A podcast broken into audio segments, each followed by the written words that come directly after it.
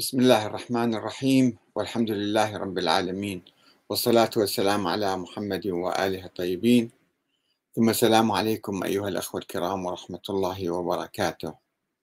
القرآن الكريم ينفي علم النبي محمد صلى الله عليه وآله وسلم بالغيب.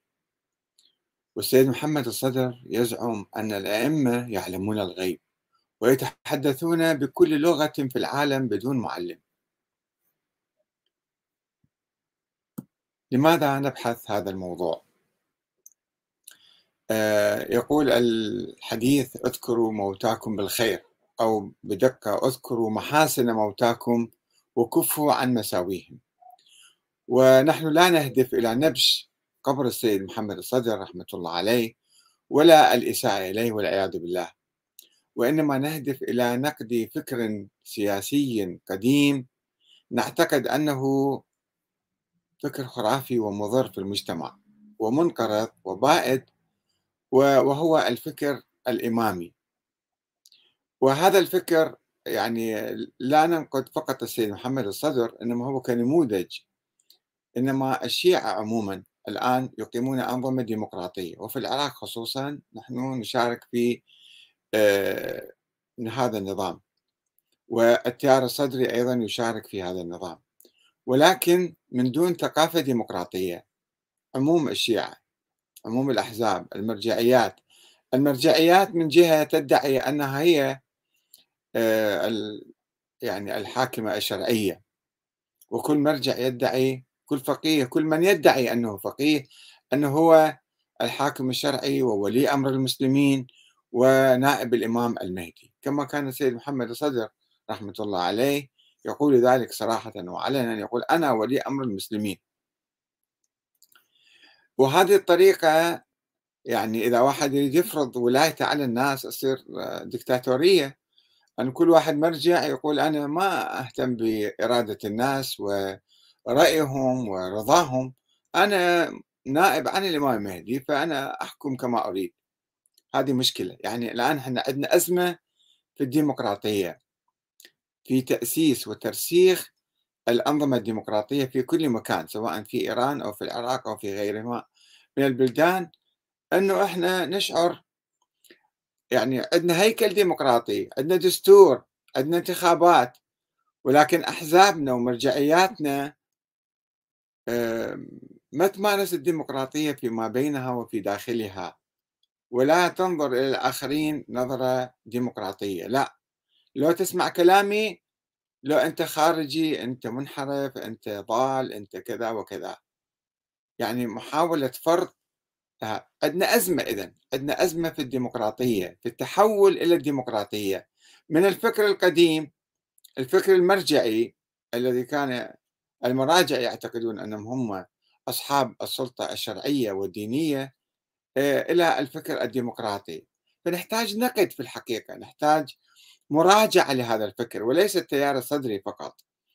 التيار الصدري بصورة أشد وبصورة أكد آه، يحتاج إلى هذه المراجعة والانفصال عن الفكر القديم. الفكر القديم مات هو كان ميت منذ ألف سنة أو أكثر.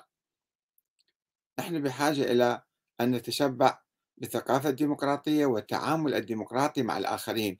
مو يوم فتح حزب مثلا سمعنا أنه دا ينتقد السيد محمد الصدر. نهجم على قواعده وعلى مراكزه ونغلقها ونحرقها ون... هذا عمل إرهابي. العمل الإرهابي لا يجوز في ظل الأنظمة الديمقراطية. هذا دليل على إحنا بعدنا عقليتنا دكتاتورية وإرهابية. هذا وإحنا بعدنا مو بالحكم. فكيف إذا حكمنا وسيطرنا تماما وشكلنا الحكومة كما كان يريد التيار الصدري يعني راح تحدث مشكلة كبيرة في الحقيقة في المجتمع. آه لذلك أنا أطالب السيد مقتدى أول شيء والتيار الصدري أن يراجعوا هذا الفكر لا يقدسوه. التقديس الماضي خطأ. صحيح السيد محمد الصدر كان مجاهد واستشهد في سبيل الله وسوى صلاة جمعة وإلى فضائل كثيرة ولكن لا يجوز أن نقدسه.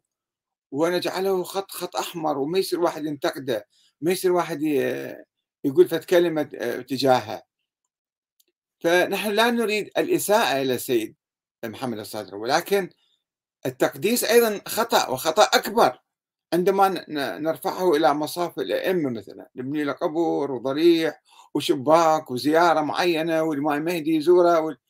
هذا كله يساهم في تعزيز الدكتاتورية في المجتمع وثم الدكتاتورية تولد الإرهاب وتولد التفرقة في المجتمع والاحتراب الداخلي. فأنا أتوقع وأطالب آه، أحباب السيد محمد الصدر أن يراجعوا هذه الثقافة. لا يقدسوا يراجعوا كتبه ويشوفوا شنو مكتوب فيها وماذا يقول وهل كان يقول بعلم أم يقول بتقليد مثلا. يقلد الآخرين وينقل قصص ويحكيها آه، على المنابر. فبهذا الهدف إن شاء الله يكون نقدي هادف وبناء لأن قصدي لا تحطيم زعامة السيد مقتدى ولا آه، زعامة السيد محمد صدر اللي هو راح قبل 20 سنة. فإذا آه، نحن يجب أن نقوم وكل واحد يسمعني يجب أن يعيد النظر مو فقط في كلام السيد محمد الصدر رحمة الله عليه وإنما في كل الثقافة القديمة البائدة. والثقافة التخديرية الثقافة الأسطورية التي كانت ولا تزال آه، مخيمة علينا. فلذلك أنا أطرح هذا الموضوع وأنا أتوقف بكل احترام وتقدير ويعني ورفض لأي إساءة من أي أحد لسيد محمد الصدر وخاصة اتهامه بأنه لا سمح الله كان عميلا لصدام وكان تابع لا هذا مو صحيح. وقلت ذلك آه، كثيرا ودائما. وأقول الآن أن السيد محمد الصدر استغل فرصة أتاحها النظام في ظرف معين وقال هو قال بصراحة أرادوني جسرا لهم فجعلتهم جسرا لي. أنا استفدت من عندهم. هم أرادوا يستفيدون من عندي ولكن أنا استفدت. وتعرفون اختتم حياته بالشهادة بعد أن تحدى صدام صدام الذي طالب طالبه بإيقاف صلاة الجمعة ولم آه، يفعل. فاحنا نجي نتوقف عند بعض الكلام لأنه هذا الكلام الذي قيل سابقا هو يدعو إلى التقديس ومثلا تقليد السيد محمد الصدر الآن. لذلك السيد الشيخ إسحاق بياض قال لا يجوز تقليد الأموات هذه فتوى معروفة. الآن إحنا دائما السيد محمد الصدر والسيد محمد الصدر. لا لازم خليه في في مكانه الطبيعي بدون مغالاة وبدون إسقاط أو إهانة أو اعتداء لا سمح الله. المعروف عن السيد الصدر كان يقول أنا أعلم الأحياء والأموات. وتعالوا قلدوني طبعا، ليش؟ لأني أعلم الجميع بعلم الأصول، آخر شيء أنا أعرف كل الأصول. ولكن السيد محمد الصدر رحمة الله عليه وعامة المراجع والفقهاء الشيعة في الحقيقة ليس هو فقط. لا يجتهدون بعلم الكلام والعقيدة الإمامية الاثنى عشرية وإنما يقلدون الشيخ المفيد. قبل ألف سنة هو كون هاي النظرية وكتبها في مجموعة كتب وماشيين عليه على خطاه.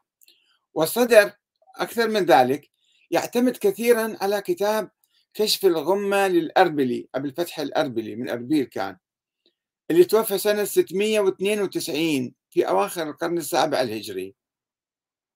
يعني بعد سيطرة المغول وسيطرة اليهود على بغداد أيضا في تلك المرحلة في تلك الأيام في أيام الأربلي آه، ويحاول السيد محمد الصدر إثبات الإمامة نظرية الإمامة الإلهية اللي كانت نظرية مثالية خيالية سرية باطنية.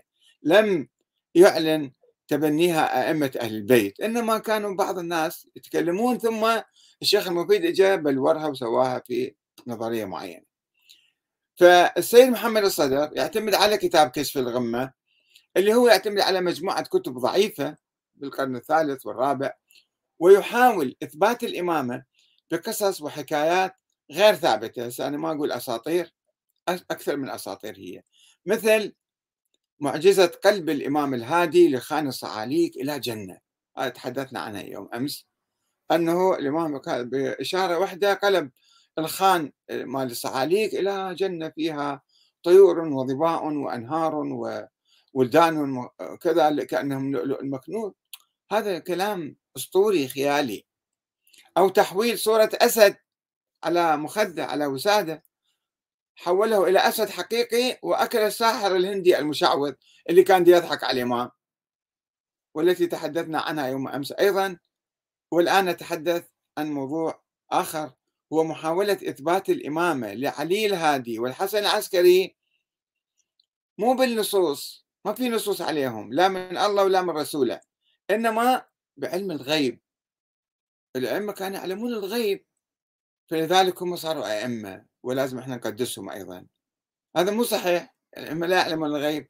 وهذا من أقاويل الغلاة اللي كانوا يتكلمون بهكذا كلام.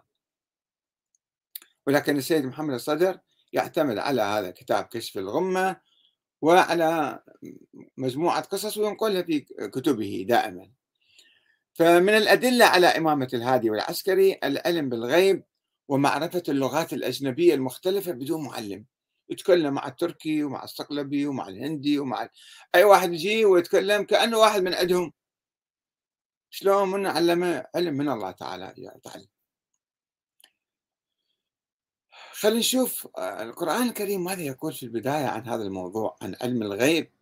وهل النبي محمد صلى الله عليه وآله وسلم كان يعلم الغيب بهذه الصورة التي يحكي يحكي لنا السيد محمد الصدر؟ أم لا؟ الله يقول في القرآن الكريم بسم الله الرحمن الرحيم قل لا أقول لكم عندي خزائن الله أنا يأمر النبي محمد يقول له قل لا أقول لكم عندي خزائن الله ولا أعلم الغيب ولا أقول لكم إني ملك إن أتبع إلا ما يوحى إلي قل هل يستوي الأعمى والبصير؟ أفلا تتفكرون؟ هاي سورة الأنعام آية 50 وفي آية أخرى بعدها في سورة الأعراف قل لا أملك لنفسي نفعا ولا ضرا إلا ما شاء الله. آه، إلا ما شاء الله. قل لا أقول آه، قل لا أملك لنفسي نفعا ولا ضرا إلا ما شاء الله. ولو كنت أعلم الغيب لاستكثرت من الخير وما مسني السوء إن أنا إلا نذير وبشير لقوم يؤمنون. الأعراف 188 وآية أخرى ثالثة ولا أقول لكم عندي خزائن الله ولا أعلم الغيب ولا أقول إني ملك ولا أقول الذين تزدري أعينكم لن يؤتيهم الله خيرا. الله أعلم بما في أنفسهم. إني إني إذا لمن الظالمين. هود 31 شوفوا وآية أخرى رابعة قل إن إن أدري أقريب ما توعدون أم يجعل له ربي أمدا؟ قل يعني إن أدري يعني ما أدري. عالم الغيب. فلا يظهر على غيبه أحدا إلا من ارتضى من رسول فإنه يسلك من بين يديه ومن خلفه رصدا. الجن آية 27 من 25 27 يعني الله سبحانه وتعالى يعطي النبي والرسل بعض الرسل إلا من ارتضى من رسول مو كل الرسل. يعطيهم بعض العلم. علم الغيب ماذا ماذا سيحدث في المستقبل؟ مو دائما شيء شيك مفتوح على بياض. وهذا قاعد يوميا كل شيء كل ما يشوف واحد يخبره أنت تصير كذا أنت تسوي كذا أنت تعمل كذا سوف يحدث كذا. هذا ما موجود في الإسلام ولا في القرآن. بس المشكلة في علمائنا وليس الصدر فقط مع الأسف الشديد انه ما أدري ما يقرون قرآن ما يذكروه ما يعتمدون عليه إيه، رايحين بالأحاديث والقصص والأساطير. ويقول لك الأئمة هم خلقوا الكون الأئمة يرزقون يحيون يميتون مراجع كبار بالنجف هكذا يقولون. وأشياء كفرية وشركية بالله تعالى. شوف النبي كيف يأكد والله سبحانه وتعالى كيف يأكد قل لا أكن قل لا أملك لنفسي نفعا ولا ضرا. وين هذا اللي يدير الكون ويرزق ويحيي ويميت؟ شلون كيف ينطبق هذا الكلام؟ أو قل لا لا أقول لكم عندي خزائن الله ولا أعلم الغيب. آيات كثير أربع آيات هذه الآن تؤكد على عدم معرفة النبي محمد صلى الله عليه وآله وسلم للغيب. يقول له أنا كنت أعرف ما كان أصابني سوء أنا تجيني مشاكل ومصائب وما أعرف ما أعرف الغيب يعني. أه و بس شنو كيف يعني يثبتون إذا إمامة هؤلاء الأئمة الاثني عشر؟ لا توجد عليهم لا آيات قرآنية صريحة ولا غير صريحة ولا أحاديث إنما مثل الصوفية مثل الشيخ عبد القادر الجيلاني كيف كان يسوي له قصص؟ نفس الكلام حول الأئمة كان مجموعة صوفية هكذا يغالون بالأئمة ويحاولون أن يعطوهم في الصورة غير طبيعية. كما يحدث الآن. الآن يحدث مع بعض الزعماء ولا أريد أن أسميهم. كيف الناس يعظموهم ويقدسوهم ويجيبوا لهم قصص وأساطير وحكايات حتى الناس ينظرون لهم نظرة أخرى؟ نظرة غير طبيعية هؤلاء مو ناس عاديين. وهكذا يبنون شعبيتهم. الأئمة لم يكونوا يفعلون ذلك ولم يكونوا يرتضون ذلك. ولكن هؤلاء المحيطين بهم من الغلاة كانوا يفعلون ذلك. شوفوا مثلا الشيخ المفيد يذكر في كتابه الإرشاد جزء 2 صفحة 298 وصفحة 300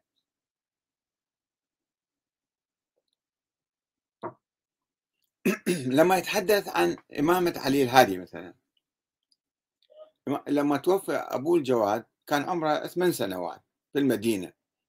فالشيعة اللي كانوا موجودين في بغداد يسموهم العصابة هم يطلقون عليهم العصابة القيادات يعني. اجتمعوا حوالي عشرة وبحثوا الآن شنو من الإمام بعد الجواد مثلا.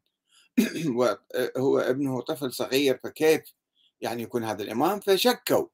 الشيخ المفيد يقول في كتابه الإرشاد أن أكثر العصابة قد شكوا بإمامة الهادي الذي كان طفلا صغيرا عند وفاة أبيه. فشلون يصير هذا إمام بعدين؟ نجي على الأساطير اللي حيكت حوله. الأربلي هذا آه، في كتابه كشف الغمة آه، يقول آه، أن الهادي كان هو عمره ثمان سنوات لما توفى أبوه في بغداد إمام الجواد يعني توفى في بغداد وهو في المدينة علم بوفاة أبيه نفس اللحظة وقال لأمه مات أبي والله الساعة والله الساعة. هسه بهاللحظة أبويا مات. شنو عنده علم غيب؟ كيف عرف ذلك؟ هذه أسطورة. يروها حتى يسوون هذا هو عنده إمام يعني صار. والأربلي كان من الغلاة حقيقة. لما تقرون كتبة عنده أربع أجزاء وكل جزء حوالي 700 800 صفحة أو أقل أو أكثر. مملوء من القصص هذه من القصص الخرافية والأسطورية حول الأئمة. كشف الغمة في معرفة الأئمة. بهالطريقة يريد يعرف الناس على الأئمة. ينقل في كتابه مثلا عن الإمام الهادي يقول اسم الله الأعظم 73 حرفا وإنما كان عند عاصف منه حرف واحد فتناول عرش بلقيس حتى صيره إلى سليمان وعندنا منه 72 حرفا وحرف عند الله عز وجل استأثر به في علم الغيب. الله عنده حرف واحد وأنا عندي 72 حرف من أسماء الله العظمى. هذا يفتح مجال حتى يفتح عقول دول الناس الغلاة حتى يصدقوا كل شيء ما يقال عن الإمام الهادي. وأيضا ينقل عنه يقول إن الله لم يظهر على غيبه أحدا إلا من ارتضى من الرسول طيب هذا آية قرآنية تقول. فكل ما عند الرسول كان عند العالم. إحنا علماء بعد النبي. وكل ما اطلع عليه الرسول فقد اطلع عليه أوصياؤه عليه. لئلا تخلو أرضه من حجة يكون معه علم يدل على صدق مقالته وجواز عدالته. هاي في صفحة 29 من الجزء الرابع. يعني إذا يبرر شلون لازم الإمام عنده علم غيب ولا ما يصير إمام؟ شلون نعرف أن هذا حجة ومو حجة؟ طب الأشياء كلها أشياء مو دقيقة. فلذلك يحاولون إثبات إمامة الهادي وابن العسكري وغير الأئمة السابقين بهذه القصص. مثلا يجي يروي أن الشيخ آه، آه، السيد محمد الصدر رحمة الله عليه يروي قصص مثلا يقول مو فقط آه، علم الهادي بوفاة أبيه في نفس اللحظة وهو في المدينة وأبوه في بغداد يقول السيد محمد الصدر الإمام الهادي علم بموت الواثق وهو في المدينة أيضا. صار انقلاب. المتوكل اجى بعد الواثق وانقلب على الوزير ابن زيات وأخذه واعتقله وصادر أمواله وسوى يعني غير كل الأوضاع. فينقل عن الوشاء عن خيران الأسباطي. قال قدمت على أبي الحسن علي بن محمد عليه السلام بالمدينة. فقال لي ما خبر الواثق عندك؟ الواثق شنو اخباره خليفه كان في بغداد. أو في سامراء كان. لا أو بعد كان في بغداد يمكن. قلت جعلت فداك خلفته في عافية. صحته زينة أنا من أقرب الناس عهدا به وعهدي به منذ عشرة أيام. شوفوا هذا كان من البلاط يعني يسوي دعاية أسطورية على الإمام الهادي. وعهدي به منذ عشرة أيام. أنا جاي من بغداد إلى المدينة عشرة أيام بالطريق. قال فقال لي الإمام الهادي أن أهل المدينة يقولون أنه مات. فقلت أنا أقرب الناس بي عهدا أهل المدينة إيش بعرفهم؟ لا عندهم واتساب ولا عندهم تليفون ولا فضائيات. شلون عرفوا ذولا أنه ال ال ال الواثق مات. قال فقال لي إن الناس يقولون أنه مات. أكد مرة ثانية. فلما قال لي إن الناس يقولون علمت أنه يعني نفسه هو دي يقول بس ما يقول أنا أقول. يقول الناس يقولون.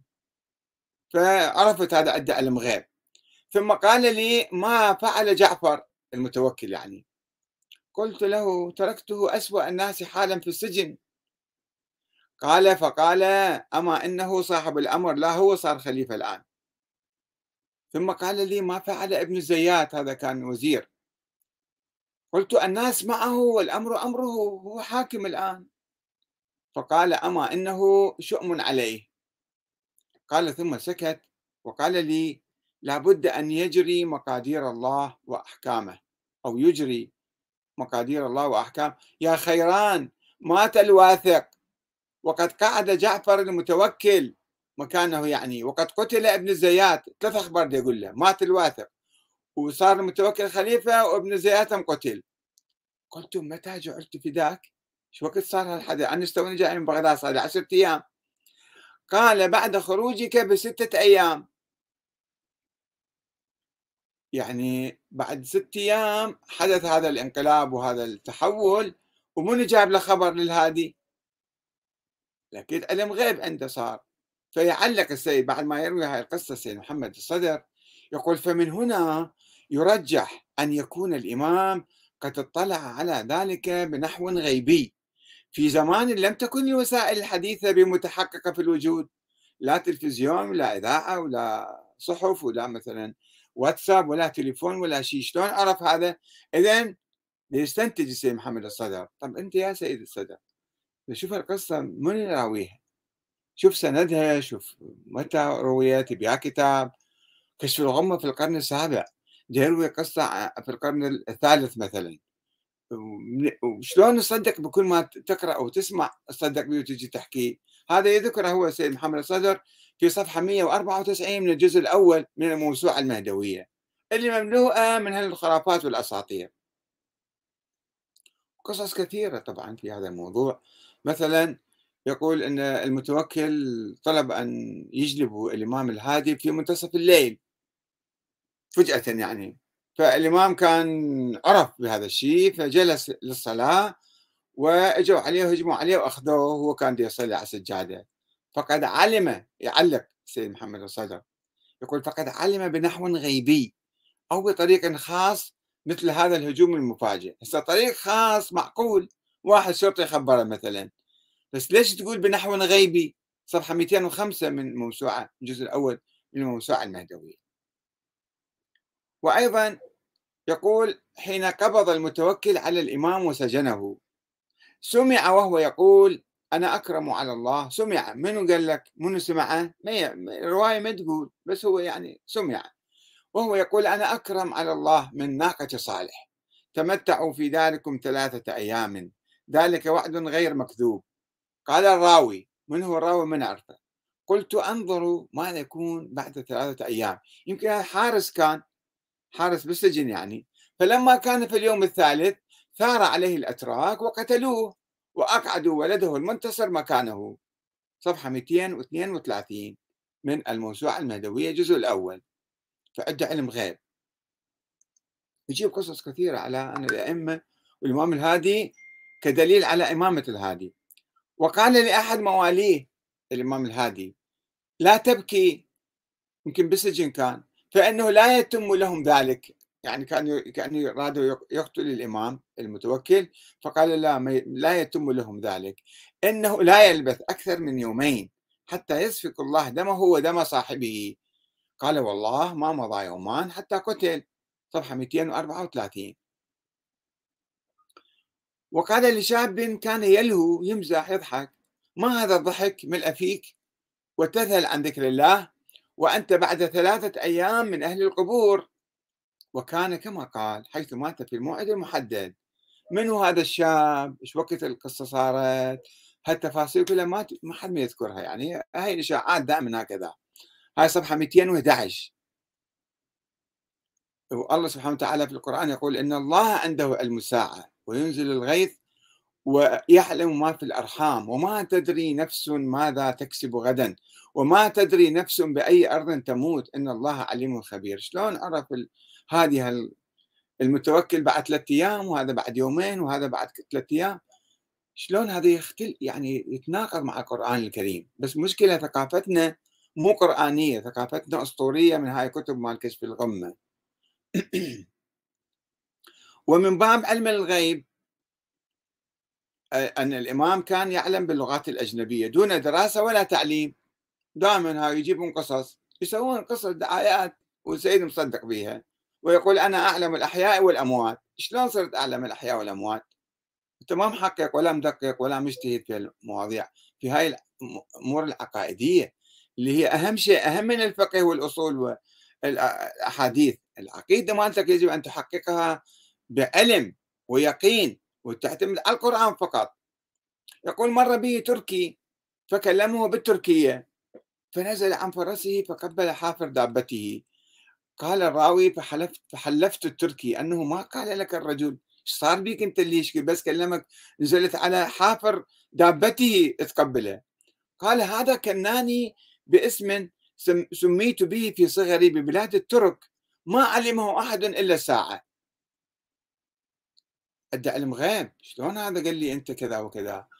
ما حد ما يعرفه. فهذا إذا هو في شيء يعني عنده علم من الله. وهذه يعلق عليها يعني هذه معجزة بسيطة. آه، صفحة 237 وينقل عن علي بن مهزيار. قال أرسلت غلاما لي إلى أبي الحسن. وكان استقلابيا أو صقليه يعني من من صقله رومي يعني. قال فرجع الغلام إلي متعجبا. فقلت ما لك يا بني؟ فقال لي وكيف لا أتعجب؟ ما زال يكلمني باستقلابية كأنه واحد منا. نفس اللهجة ما تعرفها. هذا أبو كشف الغمة ينقلها أيضا هو سيد ينقلها عنه. ينقلها في صفحة 32 جزء الرابع.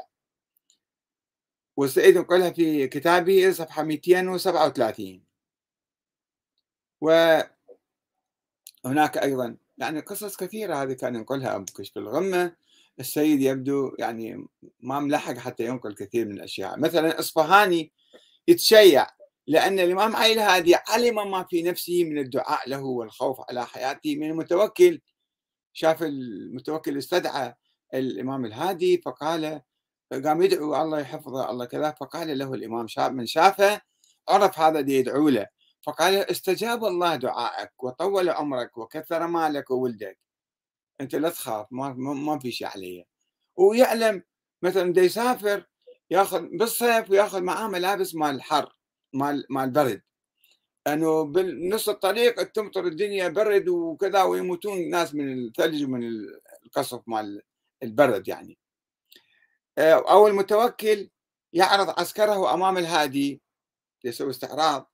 وكان غرضه كسر قلب من يخرج عليه ليخوف الناس المتنافسين.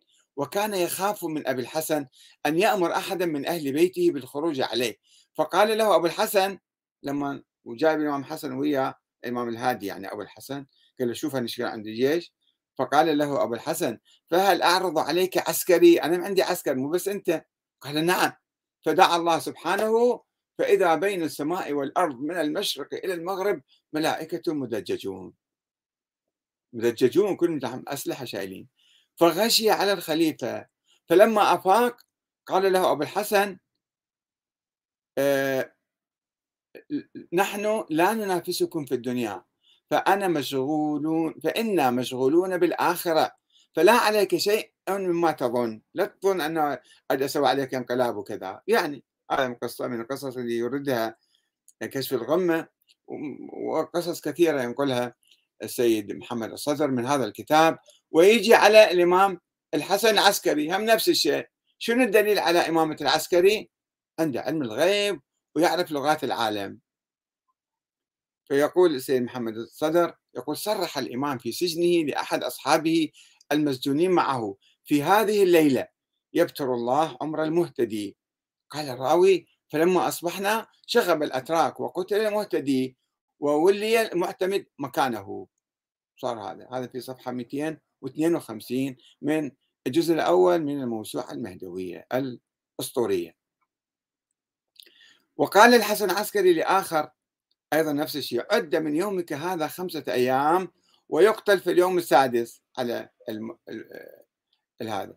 آه، صفحة 253 وعندما أجى المعتمد مكان ذاك المعتز دعا للمعتمد الذي سأله أن يدعو له بالبقاء 20 سنة في الخلافة. قال له الله خليك بس تدعيني. على الأقل 20 سنة أبقى بالخلافة فقال له مد الله في عمرك وبقي 23 سنة مو بس 20 هاي في صفحة 254 وأن الإمام العسكري كان يعرف جميع اللغات. يقول إن أبا محمد كان كثيرا ما يكلم غلمانه بلغاتهم وفيهم ترك وروم وصقالبة قال الراوي فتعجبت من ذلك وقلت هذا ولد بالمدينة. الإمام العسكري يعني ولم يظهر لأحد ما مختلط مع الناس حتى مضى أبو الحسن ولا رآه أحد. فكيف هذا؟ شلون يعرف اللغات هذه؟ وبينما يحدث نفسه بذلك هذا الراوي دي متعجب إذ أقبل الإمام عليه وقال له عرف ما, ما يفكر بنفسه يعني.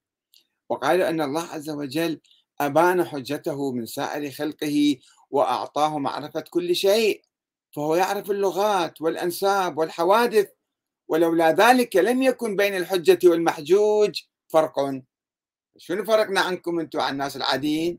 أننا نحن نعلم الغيب نعرف اللغات والأنساب وكل شيء.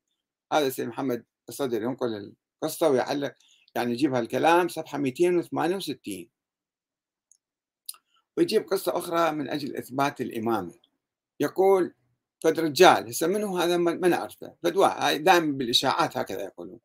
رجل يقول في نفسه أن رجع الحسن راح في المكان بده يرجع وأخذ القلنسوة من رأسه قلت بإمامتي إذا شال القلنسوة من رأسه أنا أعرف هذا صار إمام. فلما رآه الإمام رجع ابتسم في وجهه ومد يده إلى قلنسوته فانتزعها عن رأسه ومسكها بيده ومر بيده الأخرى على رأسه. فقال الرجل أشهد أنك حجة الله وخيرته. قال الراوي فقلنا يا هذا ما شأنك؟ صار بك إنت شنو قاعد تحكي؟ ليش تقول كلام؟ قال كنت شاكا فيه. فقلت في نفسي إن رجع وأخذ القلنسوة من رأسه قلت بإمامته. هاي دليل الإمامة أن الحسن العسكري شال القلنسوة من رأسه وكمشها بيديه شنو الدليل على الإمام؟ هي الإمامة اللي الله فرضها على الأمة الإسلامية. بهالوسائل بهالطرق تثبت يعني لا في قرآن لا في حديث نبوي لا شيء. بهالقصص الأسطورية اللي مؤلفيها. هاي في صفحة 272 فيعلق الصدر على هذه القصة. يقول لعلك لاحظت معي كيفية إقامة الحجة على هذا الرجل على شكل سري لا يطلع عليه غيره. هي الحجة تكون سرية لا تكون كالشمس ثابتة وواضحة ومعروفة لجميع الناس. ولو لم ينبس الرجل ببنت شفا إذا ما كان حاكي هذا الرجال لبقيت الحجة مكتومة من غيره إلى الأبد. صفحة 273 يعني ما أعرف بالحقيقة كيف واحد مرجع وعالم ويقول أنا أعلم الأحياء والأموات وينظر الأمور ويصدق هالخرافات والأساطير بهذه البساطة. يعني مشكلة حقيقة. أنا ما أنتقد سيد وراح الله يرحمه. ولكن الناس الأتباع له وجماعته والفكر الشيعي اللي يؤمن بهالقصص والأساطير هذا يؤدي بنا إلى آه، تفاعلات سياسية الآن. إلى دكتاتورية إلى عنف إلى إرهاب. وأي واحد يختلف معانا يصير هذا خارجي يصير كذا وكذا. فالمشكلة يعني نحن بحاجة إلى إعادة النظر بهذا التراث وبهذه الموسوعة المهدوية الأسطورية الخرافية. من السيد مقتدى أول شيء عليه أن يراجع هذه يعني مو مالت أبوه يعني صارت هذه مقدسة. يعني خلي يفترض هذا واحد آخر. وهو داخل يدرس ويتعلم ويدرس في الحوزة يجب أن ينظر في في عقيدته وما ياخذ عقيدته من هالقصص مال كشف الغمة الأربلي من أربيل كان هذا. وأن يعتمد على القرآن الكريم. كلتنا يجب أن نعتمد على القرآن في في بناء منظومتنا المعرفية العقائدية. والإجتهاد بهذه الأمور الاجتهاد بالعقيدة وما ما في واحد يقول أنا اجتهدت بالفقه وهو باني كل عقيدته على رمال. هذه المشكلة. إحنا الآن أعيد أعود فأكرر ما قلته في البداية. أننا الآن في آه، آه، وقت في ساعة تحول من الفكر الأسطوري القديم اللي كان مخدرنا ألف سنة والذي فرض علينا آه، دكتاتورية ما يسمى بالمراجع. وولاية الفقيه وأنهم هم نواب الإمام والحكام الشرعيون. وننتقل إلى عصر ديمقراطي. العصر الديمقراطي يحتاج ثقافة ديمقراطية. ثقافة ديمقراطية قرآنية إسلامية عقلية علمية مو خرافية وأسطورية. فلا بد أن نقوم بهذه الثورة الثقافية حتى نعزز ونقوي هذه التجربة ونتحرر من سيطرة أي إنسان وأي مرجع أو أي واحد ونبتعد عن العنف والإرهاب في تعاملاتنا الداخلية. والسلام عليكم ورحمة الله وبركاته.